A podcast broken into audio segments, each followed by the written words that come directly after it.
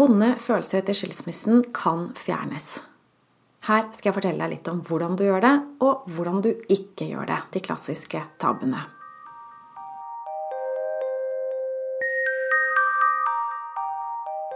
Jeg heter Line Strandvik og jobber online som personlig veileder, hvor jeg hjelper skilte til et godt liv med glade barn. Så det at en skilsmisse kan vekke en del vonde følelser, er vel ganske velkjent. Hvilke vonde følelser er det det er snakk om? Det kan være sorg og skuffelse over det som ikke ble. Det kan være frykt for hvordan framtiden skal bli, hvordan økonomien skal bli, hvordan barna skal få det. Og det kan være sinne. Kanskje føler du at du har blitt svikta. Um, og videre til maktesløshet. At du enten føler at ikke du er i stand til å ta vare på deg selv, din egen helse, din egen økonomi, eller nesten enda verre at ikke du klarer å ta vare på barna. Og det kan være skyldfølelse og skam. At man føler seg mislykka fordi man ikke fikk til prosjekt kjernefamilie, som jo står høyt i kurs hos mange. Så man kan føle seg eh, som en annenrangs borger. Og noen forteller at de er overraska over hvor vondt det gjør. Ehm, det er en følelsesstorm, så det er virkelig sterke, sterke krefter. Så det første jeg vil du skal vite, er at du skal ikke lære å leve med vonde følelser. Det er ikke sånn det skal være. Følelser de er veivisere. De forteller oss noe. De inneholder visdom. Men før jeg går rett på løsningen, så skal jeg snakke om de tre klassiske tabbene vi gjør når vi skal håndtere vonde følelser etter skilsmissen. Og den første tabben, det er at du angriper den personen som du tror får deg til å føle noe vondt, og det er jo som regel eksen. Det kan også være andre mennesker du er sint på. Det kan være din egen familie, dine foreldre eller søsken eller hva det nå er. Det kan være Kanskje er det kjæresten til eksen din som du er sint på. Eller kanskje er det de som prøver å hjelpe dere, som du er sint på, som ikke du føler um, klarer å hjelpe dere på en ordentlig måte. Den første tabben går på at du vil oppdra på andre. Du vil gjerne fortelle dem hva de skal gjøre annerledes. Og jo bedre du kjenner dem, jo råere vil du være i tilbakemeldingene. Noen ganger så nytter det å oppdra andre men ikke alltid. Det er ikke alltid de er enig med deg i hva du mener de bør endre på. Og hvis de er uenige, så vil det slå tilbake på deg. Så det er en tabbe. Det er ikke andre mennesker du skal oppdra. Du skal løse det her på en annen måte. Den andre tabben vi gjør når vi skal håndtere følelser, er at vi snakker med noen om det vi opplever. Og det kan være sladring, rett og slett. At vi går, ikke går rundt, men at vi forteller til en god venninne eller til noen vi kjenner, om det vi har opplevd eh, som andre mennesker har gjort mot oss. Og det hjelper jo ikke. Du blir ikke noe klokere av den grunn. Og til og med det å snakke med en terapeut eller psykolog eller, eller coach for den saks skyld, det snakken i seg selv, det hjelper heller ikke. Og det kan noen ganger gjøre vondt verre, og spesielt hvis det er en person som stryker deg med hårene og ikke tør å å hjelpe deg på en ordentlig måte. For du trenger å gå dypere. Du trenger, å, du trenger selvutvikling. Så det å snakke med noen og fortelle om det du har opplevd, det kan også gjøre vondt verre.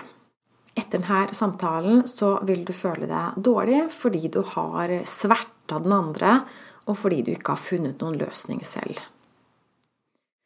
Og så er det den tredje tabben vi gjør, og det er at vi undertrykker følelsene våre. Og her har vi en rekke metoder til hvordan vi gjør det. Men det handler jo ofte om at vi har ikke lyst til å kjenne på det, for det gjør for vondt. Vi prøver å distrahere oss selv vekk fra å føle. Så der kan vi være ganske gode. Så det kunne jeg sikkert hatt en helt egen podkast om, hvordan vi undertrykker følelsene. Men la oss gå litt på løsningen. Hvordan håndterer vi vonde følelser etter skilsmissen? Hvordan fjerner vi vonde følelser? Og det er en todelt prosess. For det første så trenger vi å kjenne dem og føle dem og prosessere dem i kroppen.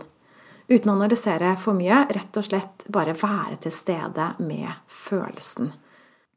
Og det høres egentlig ganske lett ut, men jeg ser at mange mennesker trenger et verktøy, for de er ikke, rett og slett ikke gode på å prosessere følelser.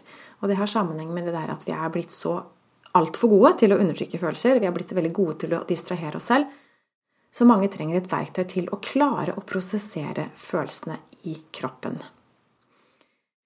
Den andre delen av løsningen her er hoderydding. Vi må se hvordan vi selv har skapt den vonde følelsen.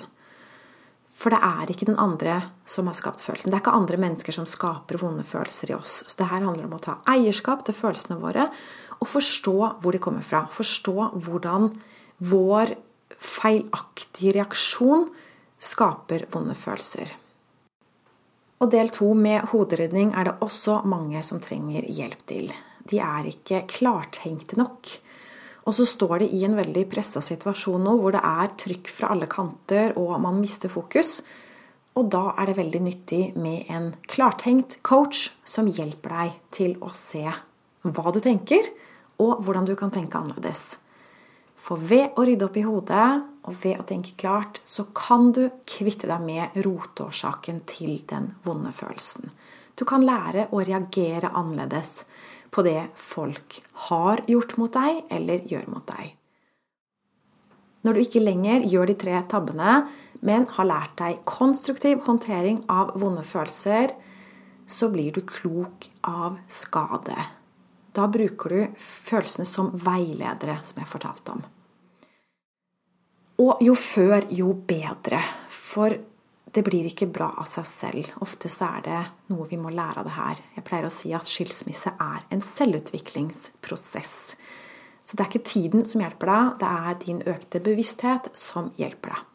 Det er ikke meningen at vi skal bare overleve en vond skilsmisse. Det er meningen at vi skal komme sterkere tilbake.